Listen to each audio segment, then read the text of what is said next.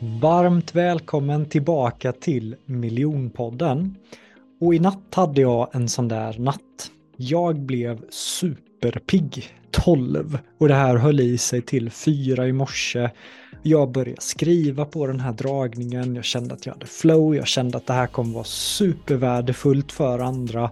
Vaknar upp idag helt exalterad och känner att jag slår på kameran, slår på micken och let's go. Den här döpte jag till så slog jag ett världsrekord och hamnade i tv-soffan för miljonpublik med hjälp av Hoxen. Så den här avsnittet handlar inte direkt bara om att jag ska inspirera och dela min story när jag skulle då slå ett världsrekord i dykning utan allting som skedde bakom kulisserna, hur jag fick sponsorn, hur jag fick min mentor, hur jag pitchade mig själv i en tuff konkurrensutsatt casting direction för att ens komma med i SVTs program. Det var så mycket som hände kring allt det som jag ändå lär ut i miljonkursen och hookkursen. Och jag kände när jag analyserade det här igår kväll att jag vill då återberätta det här ur ett också analytiskt perspektiv. Att ja, men när jag satt där och skulle pitcha in mig själv för tv-producenten, vilken hook använde jag då och hur tänkte jag då? Så här kommer du då få en inspirerande story, men du kommer också få mycket hands-on, exakt hur jag gjorde för att kunna få de här resultaten. Så att det förhoppningsvis kan inspirera dig till att tänka större, tänka i hooksen, förstå att en pitch är inte bara en statisk treminutare, utan en pitch kan man göra säkert på tusen olika sätt. Mm. Hoppas att du är taggad på det här avsnittet. Allting började med att jag blev taggad på Facebook av min vän Viktor Ekholm. Och han hade sett att SVT sökte deltagare till sitt program idag om ett år. Där SVT skulle följa personer som hade stora projekt, stora mål. Där man skulle få följa personerna under ett års tid och följa med på hela den här resan då.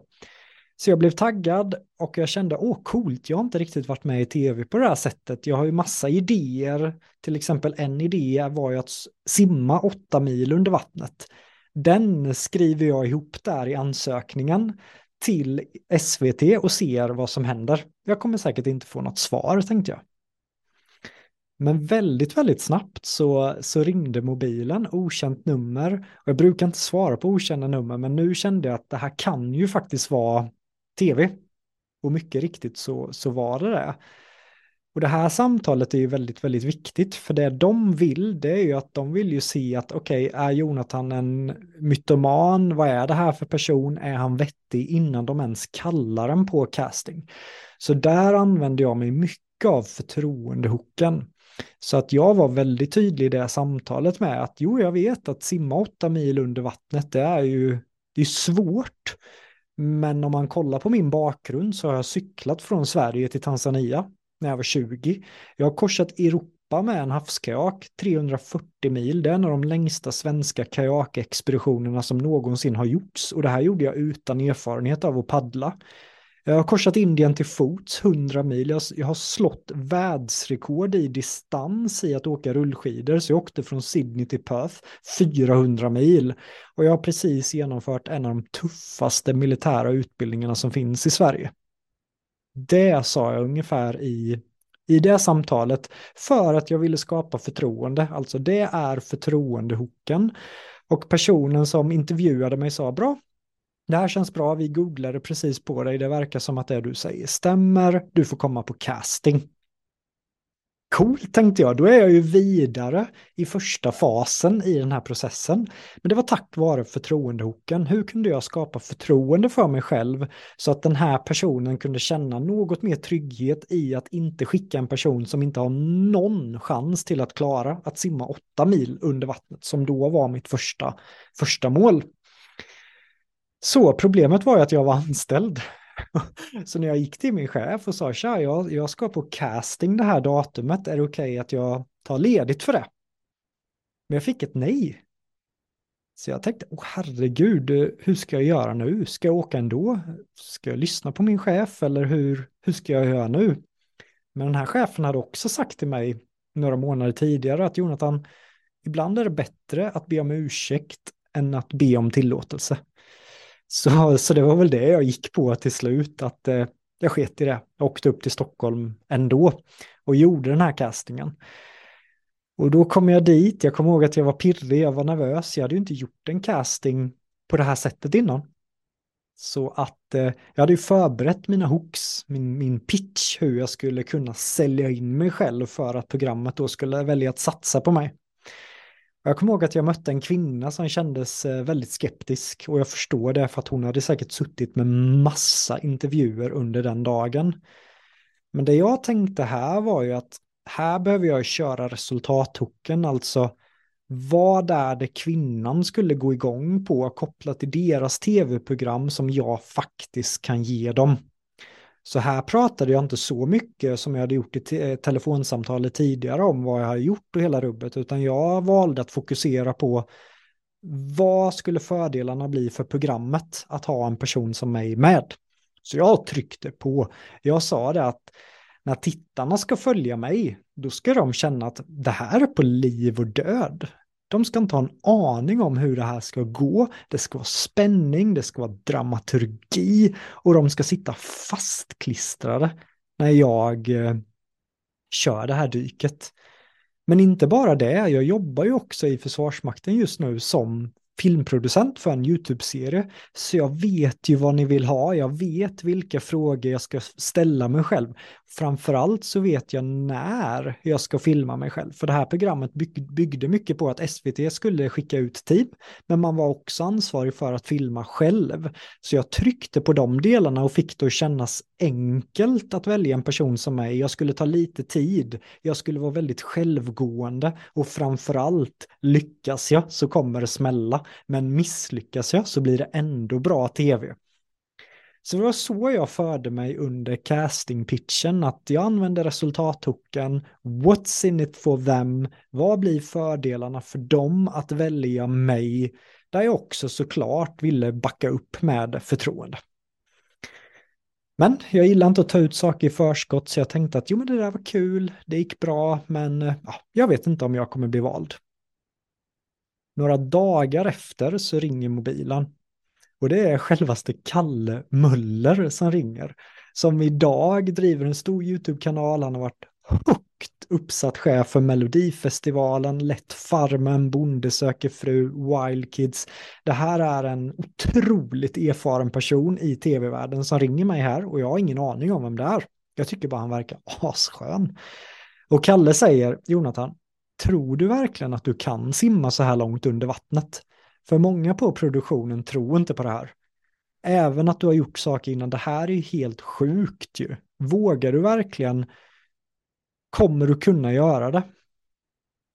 Och jag kände att det där var ju som ett avgörande, här om någonstans är det nog okej okay att backa. Antingen backar jag här eller så trycker jag på. Och såklart så valde jag att trycka på. Jag sa, Kalle, du kan lita på mig. Det här löser jag. Men så tänkte jag att om jag ändå har, det här är en av då cheferna för programmet, så om jag ändå har en sån som Kalle i telefon här, så slant det ur mig det här att Kalle, det är bara en sak som är synd. Och Kalle sa, vadå? Att ni inte gör det här nästa år. Och Kalle sa, vad ska du göra då? Nästa år ska jag ro en vikingabåt från Stockholm till Iran. Och Kalle blir knäpptyst och jag tänkte att ah, varför skulle jag ens säga det? Nu blir det väl bara too much. Och Kalle säger, alltså Jonathan, jag har drömt om ett sånt koncept. Jag älskar historia, jag älskar vikingarna, jag älskar naturen. Oj, vad spännande. Det här får vi prata mer om, Jonathan. Det som skedde där, det var att jag la en plant seed på Kalle. Jag ville se att ja men i SVT, det här kan bli superbra, men en sån som Kalle, det är ju verkligen någon jag kände att, ja men han vill jag ju fortsätta leka med och vara vän med och göra andra grejer med. Så att jag testpitchade en ny grej mitt i farten när han då skulle kvalitetssäkra mig för det här programmet. och när jag ser tillbaka på det i efterhand så är det ju mig i ett nötskal att göra på det sättet. Han ringde upp några dagar senare och säga att Jonathan, du är vald som en av karaktärerna som kommer få mest tv-tid om du tar det här seriöst, om du verkligen gör jobbet och om du kan övertyga oss nu under det här året att du är värd att satsa på. Så bra, nu ska du simma åtta mil under vattnet. Först var ju känslan helt och hållet euforisk. Att jag är vald, jag lyckades pitcha in mig själv. Där satt den. Det var egentligen det jag var mest taggad på. Det var ju att se om jag skulle kunna pitcha mig igenom en casting. Men nu satt jag ju där då och skulle behöva simma åtta mil under vattnet och jag började googla. Och det var ju, alltså det här kändes ju mer och mer omöjligt desto mer jag googlade på det. Jag hade ju aldrig simmat längre än, än kanske 50 meter under vattnet tidigare. Det här skulle ske med dykutrustning med tuber och jag skulle inte få simma över ytan, då hade jag ju då förlorat. Så jag känner ju direkt att här måste jag hitta en mentor. Och eh, jag valde Ulrik Sjögren, men jag märkte att han var inte jättepeppad på att hjälpa mig under ett år med det här projektet. Och då tänkte jag att, hmm, okej, okay, men då behöver jag ju pitcha in mig själv till Ulrik. Vilken hook ska jag välja här i min verktygslåda? Så återigen tänkte jag att om det här blir bra med SVT så kommer ungefär en miljon personer se mitt dyk. Och om Ulrik är med under hela resan så blir ju han den store mentorn. Och eh, då får ju han tv-tid. Och eh, då kan vi ju promota Ulriks dykshop i Jönköping. Och det var det jag tryckte på i pitchen till att Ulrik skulle bli min mentor. Så återigen skulle jag säga att jag la in en, en resultathook på Ulrik och fick, fick honom att inse värdet för honom själv också. Att verkligen hjälpa mig med det här projektet. Jag kommer ihåg Ulrik, jag sa Ulrik att eh, ja, tror du att jag kommer kunna fixa det här? Och Ulrik sa ja, absolut. och det är ju kraften av att ha en mentor. Att hade jag frågat vem som helst annars så hade de ju säkert sagt nej men det här kommer inte gå. Men Ulrik säger det här kommer gå. Jag vet Jonathan vad du har gjort tidigare. Det här löser vi. Så länge du tänker på det här, det här, det här, det här, det här. Du kommer behöva träna stenhårt för det här projektet. Sen insåg jag just det. Jag behöver ju utrustning. Den bästa kvaliteten, torrdräkt, våtdräkter, simfenor, vikter, hela rubbet. Och så googlade jag på vad det skulle kosta och kände, oh herregud vad dyrt. Så jag gick till Ulrik och, och berättade som det var. Och då tog Ulrik den här informationen och pitchade det här till Mares som är en av Sveriges största dyk, som erbjuder dykutrustning. Och det coola med att det var just Ulrik som pitchade åt mig där som gjorde att jag fick en huvudsponsor för hela projektet, det var ju att Mares hade ju inte förtroende för mig. Men Mares hade väldigt högt förtroende för Ulrik.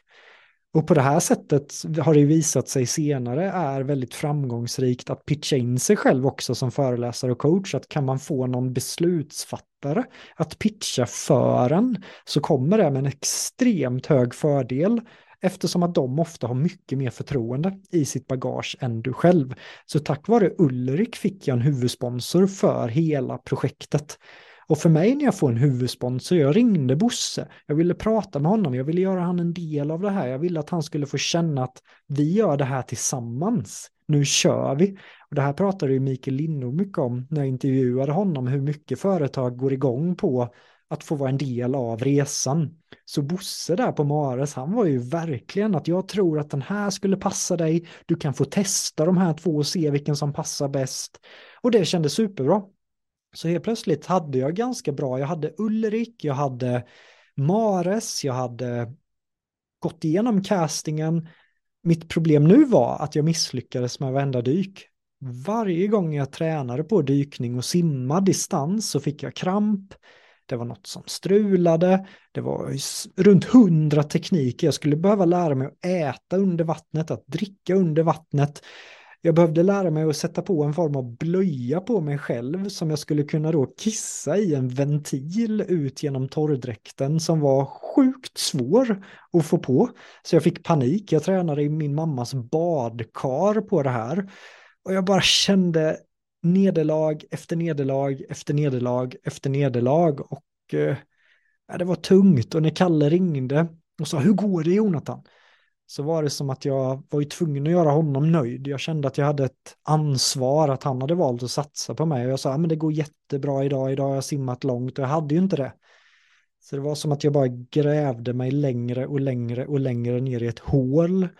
Och jag var väldigt rädd för att, men är det här en bluff? Har jag pitchat in någonting nu som jag inte kan stå på? Är jag rökt i tv-branschen framöver då? Vad kommer andra tycka om mig?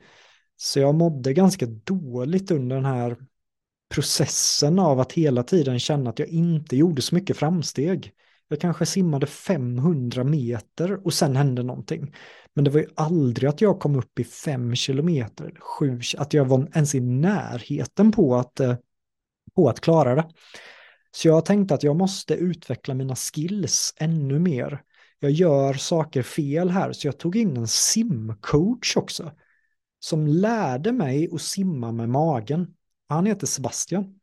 Hade det inte varit för Sebastian så vet jag inte vad som hade hänt, men ungefär en gång i veckan åkte jag till Rosenlund och där satt Sebastian och han var hård mot mig och han, han lärde mig hur man simmar mer med höfterna, med magen för att få mer kraft.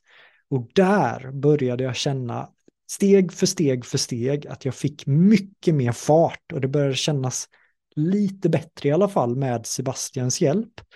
Och om jag analyserar det som hände där, det är så lätt när man gräver sig själv ner i den djupa gruppen som jag gjorde, att man inte vågar be om hjälp, att man, att man stänger in sig själv i den här bubblan och man är väldigt ensam. Men just att ha modet om att räcka upp handen och säga hej, jag behöver hjälp. Kan någon hjälpa mig? Och det var exakt det jag gjorde och det var exakt det Sebastian nappade på för att han hade tydligen följt mina äventyr innan och tyckte bara det var roligt att få hjälpa mig. Men att våga be om hjälp i de lägena när man har grävt ner sig, otroligt, otroligt viktigt. Och jag började dyka. Jag tror jag gjorde ungefär 80-90 träningsdyk inför det här åtta milsdyket.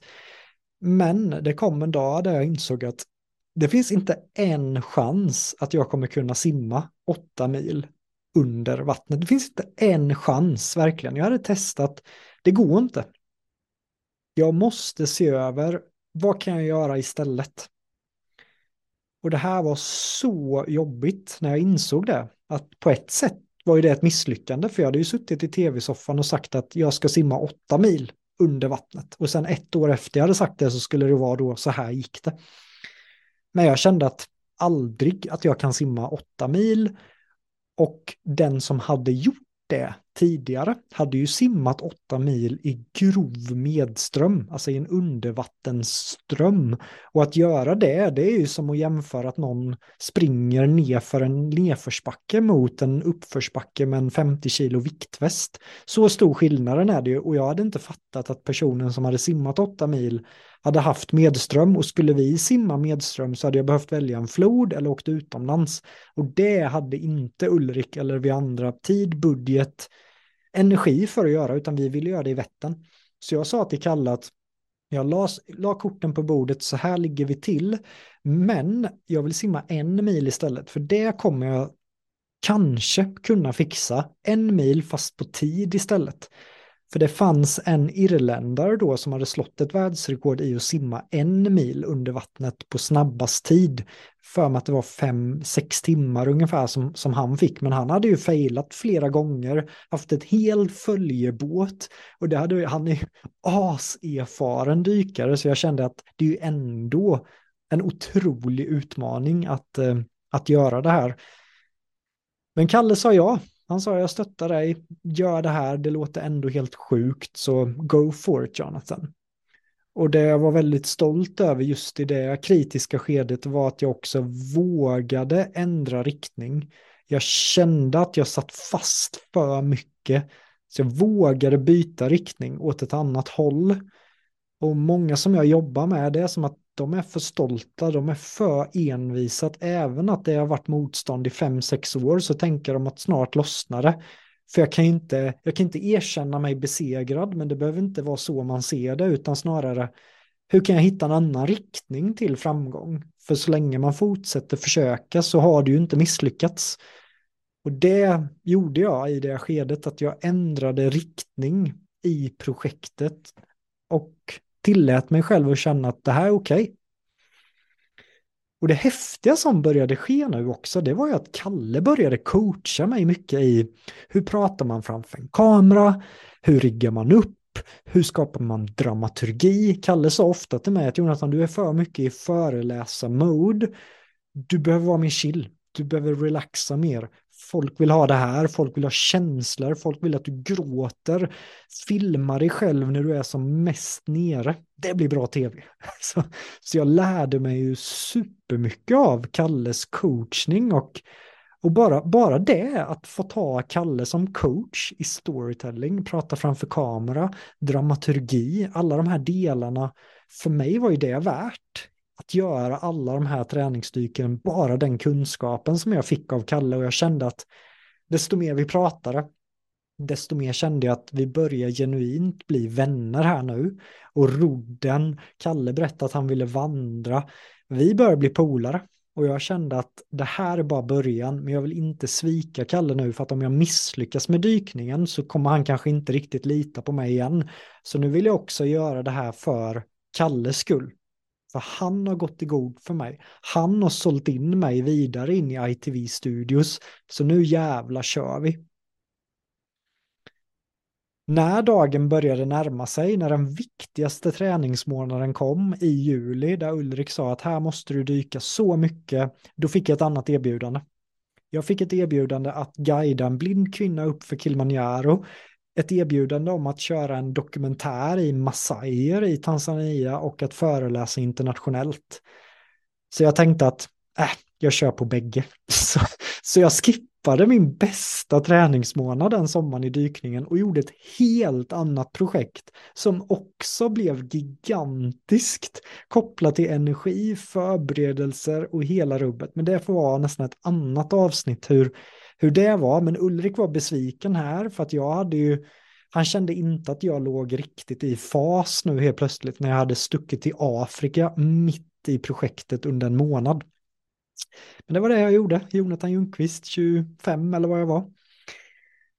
Så D-dagen börjar ju närma sig. Kalle skriver, är du redo? Jag skjuter upp det. Jag sa till Kalle, är halsfluss? Och det blir oktober till slut. Och jag känner ju att, oj, nu är det oktober. Jag ska dyka i Vättern. Nu är det ju askallt i Vättern. Så att här tar jag också beslutet att gå från en torrdräkt till en våtdräkt. För att mitt en, min enda chans var att prioritera speed hastighet. Men det här skulle komma att bli väldigt, väldigt kallt. Och mitt i den här processen så tänker min egen, ena hjärnhalva att media som Mares, jag vill, ju, jag vill ju att de ska vara supernöjda. Jag vill inte bara göra projektet, jag vill att mina sponsorer, jag vill att Ulrik ska få ut någonting av det här. Så jag ringer Expressen, jag ringer media hela Jönköping, vi sätter ett datum.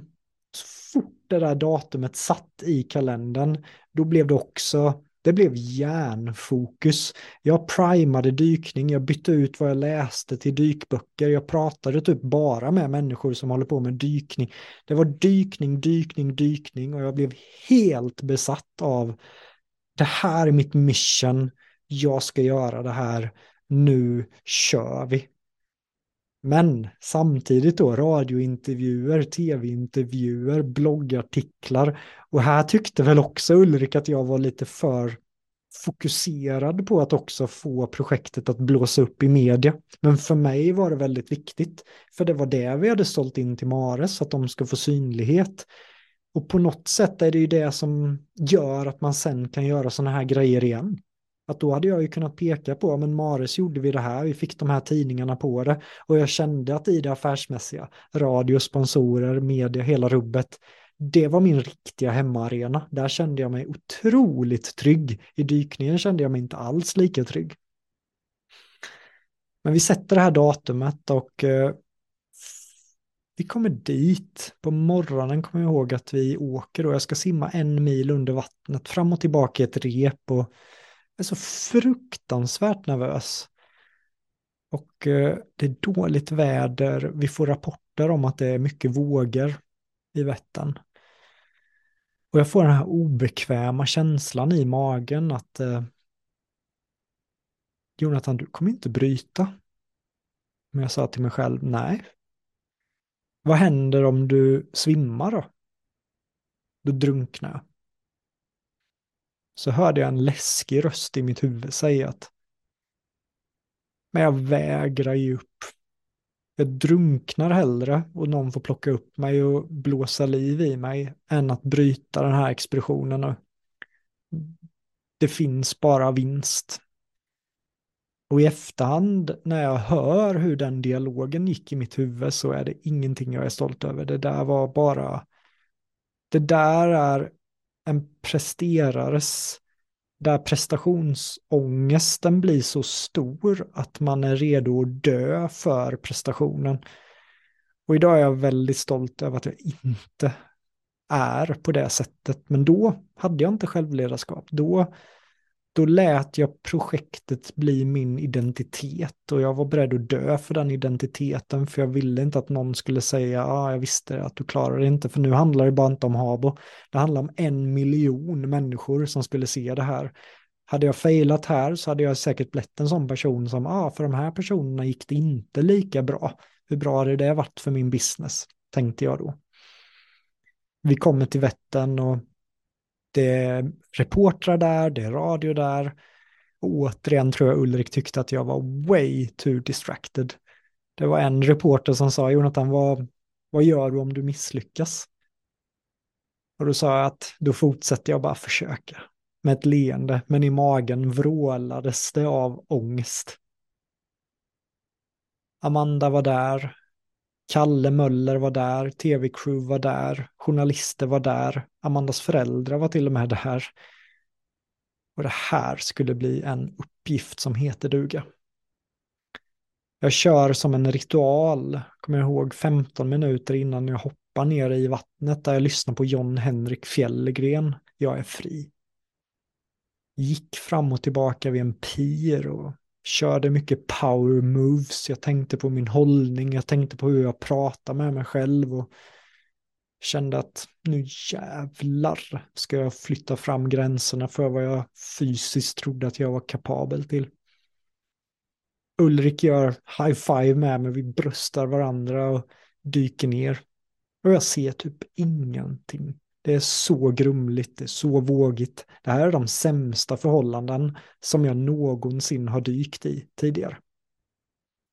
Jag ser ungefär 30-40 centimeter. Det är tillräckligt mycket för att se det här repet då som ligger på sandbotten. Jag är ungefär 3-4 meter ner i Vättern. Och jag börjar simma. Och det är kallt. Det är tufft och det tar lång tid. Jag simmar där fram och tillbaka och tänker hur långt behöver jag simma innan de andra inte tycker att jag är en helt och hållet pajas som bryter? Är det en halvtimme? Är man imponerad över någon som simmar under vattnet en halvtimme? Är det en timme? Är det två timmar? Så det var mycket där mina tankar gick i början, att när är det faktiskt okej okay att bryta? Jag kom in i en härlig ändå djupandning, att det var verkligen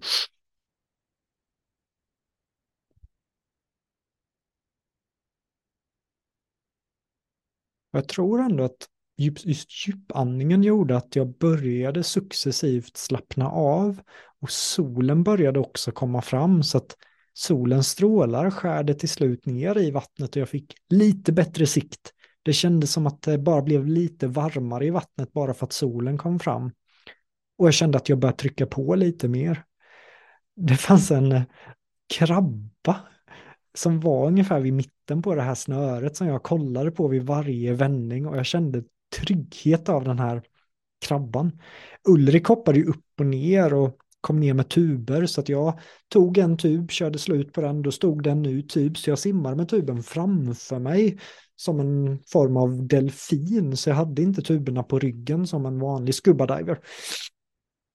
Men efter en och en halv timme så kände jag att oj, men om jag ändå simmar fem kilometer, det är mitt rekord, det är ju inte så att folk ändå kan skratta åt någon som simmar fem kilometer under vattnet. Så jag gick all in för att simma fem kilometer. När jag hade simmat fem kilometer så kände jag lite mer energi, det, det gick bättre. Och eh, jag gjorde en vändning Och i den vändningen så kände jag att allting höll på att rasera. Jag tappade viktbältet. Och det är fortfarande jättedålig sikt. Och jag sitter där och så fort jag är still så blir jag kall. Och jag känner att jag ser ingenting. Jag börjar hyper, liksom darra, försöker samla upp det här viktbältet och sätta det på mig igen. För att utan viktbältet så flyter jag upp till ytan och då har jag förlorat. Och jag känner paniken komma och då blundade jag. Och jag tänkte på en av mina största förebilder. Miriana. Som jag bara några, tidiga, några månader tidigare hade tagit upp nästan hela vägen till Kilimanjaro och hon är blind. Och när jag satt där så kände jag att om Miriana kan gå i en djungel, om Miriana kan klättra för stup och allt vad hon gjorde blind, ska jag fan kunna sätta på ett viktbälte. Så jag blundade helt, tog djupa andetag och fick på viktbältet. Och började simma snabbt efter det för att ändå få upp värmen också. Jag drack, jag kände att alla de här teknikerna som jag hade tränat på och misslyckats så många gånger med helt plötsligt satt på ett helt annat sätt och jag började trycka på. Jag kände att jag började få momentum och jag kände att det var som ett trance, som en form av meditation, att helt plötsligt blev det inte jobbigt längre utan jag, jag tryckte på. Och för första gången på ett år började jag nästan på riktigt tro att jag skulle kunna klara det här. Efter sju kilometer kände jag att eh, jag kommer klara det. Varje vändning, det enda nu som skulle kunna hindra mig är ett misstag. En felvändning, släppa västen igen. Jag måste vara nitisk med varje grej jag gör nu under vattnet. Jag simmar och simmar och simmar. Jag kommer ihåg att jag tänkte på livet, jag tänkte på vem jag är bortom alla skalen när man kommer till den här kåren av sig själv. När man bara kör utan filter, utan att tänka. Där var jag i det tillfället. Där kände jag mig väldigt, väldigt hel på något märkligt sätt. Jag gick för det. Jag har gåshud här nu när jag sitter och jag går in totalt i känslan när jag återberättar det här. Och kom ihåg att sista lapsen så skulle Ulrik simma med mig men han fick kramp för att jag simmade så fort. Sen kom jag dit till en av vändpunkterna igen och Ulrik sträckte upp tummen upp och sa det betyder ju att Dan, du är klar. Jag simmar upp till ytan och får en form av syrechock så det är som att när jag får så mycket syre efter att ha varit under ytan i över fem timmar har jag simmat under vattnet så den här chocken blir nästan överväldigande så jag börjar hyperventilera här. De drar mig upp för stenarna, slår i huvudet, lägger mig på den här betongpiren. Jag ser Amanda som tar pulsen på mig. Och jag ser Kalle stå och gråta när han kollar på mig. Han säger du klarar det. Jag gjorde high five med Kalle och jag var helt uttömd på energi. Några journalister tar några bilder och jag känner bara, jag gjorde det. Jag fixade den kanske största utmaningen i, i hela mitt liv.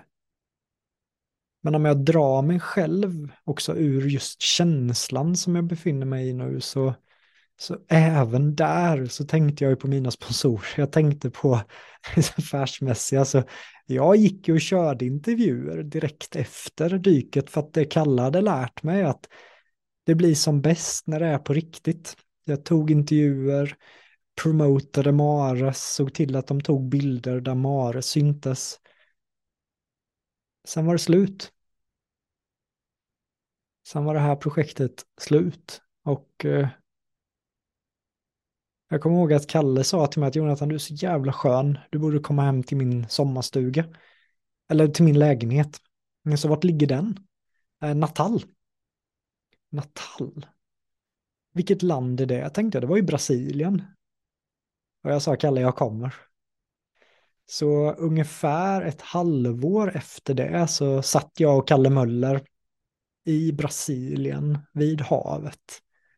Och jag spänner ögonen i Kalle och säger Kalle, håll i hatten.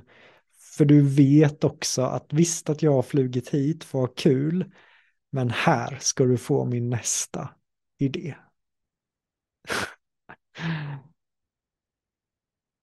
Jag tror den stora lärdomen här var att, eh, att verkligen att en pitch kan vara på så många olika format, men en pitch kan också ta dig till din dröm. Jag hade aldrig lyckats med det här projektet om jag bara hade lagt tid på att bli en fantastisk äventyrare och dykare, utan det var tack vare det affärsmässiga som gjorde att jag faktiskt lyckades med det här. Annars hade jag inte fått en mentor, annars hade jag inte fått sponsorer, annars hade jag inte pitchat mig själv på det sättet i castingen. Så det var ju framförallt mina resultathookar. Det var framförallt mina förtroendehookar. Men framförallt behövde jag också pitcha och jag behövde hooka mig själv till att fortsätta den här resan som jag var på. Det intressanta var att jag trodde ju att det här skulle göra att det exploderade med föreläsningar, för det var en miljon personer som såg mitt dyk. Men jag fick kanske en, två föreläsningar efter det här och jag såg det som ett katastrofalt misslyckande. För jag trodde hela min kalender skulle fyllas upp, för nu hade de ju sett det. Jag lyckades. Varför ringer inte telefonen? Så när jag utvärderade det så visade det sig att ja, men jag har ingen hemsida. Jag nämnde inte under den här filmen att jag ens var föreläsare. Jag hade ingen funnel, jag hade ingenting på YouTube, jag hade ingenting på Google riktigt, utan jag förlitade mig på att bara för att jag syns så blir jag bokad. Och det är ett stort misstag som föreläsare, coach eller konsult att se till att du har dina, när det väl smäller på det här sättet, då vill du banne mig ha din funnel uppe. Du vill ha en resa, du vill ha dina system så att de kan ta emot det här. För det var säkert jättemånga som googlade på mig efter att ha sett dykningen, men det fanns ingenting, det fanns ingen tydlig paketering, det fanns ingenting vad jag riktigt egentligen gjorde, det stod bara äventyrare. Och det blev ju då min nästa nöt att knäcka, att hur kan man förvalta stora möjligheter? Och det har ju lett till all den kunskapen som jag har idag för att det där faktiskt hände mig. Så jag tar med mig coachningen från Kalle, nätverket in i tv-världen, kunskapen om storytelling, känslan av att man fixar så mycket mer. Så jag tycker att så mycket lärde jag mig under det här under den här tiden. Jag är så tacksam för det och hoppas att det här också inspirerar dig till att dels använda hookar, använda pitchar, leka med det här, sätta upp gigantiska mål och sen steg för steg ta dig dit med hooks, med pitchar. Och för mig blev det ja, lite överväldigande ens dra upp den här berättelsen. Den, det var tufft och det finns delar av den Jonathan som jag verkligen var stolt över men också som jag inte är stolt över. Och eh, ja, tack så jättemycket för, för det här avsnittet. Jag har några stödord. Den kom till mig igår kväll jag fick känslan som de andra avsnitten jag har kört själv att, och det har fått väldigt hög respons på att när jag känner det, jag sätter på kameran, jag kör. Jag önskar dig en fantastisk, eh, trevlig dag.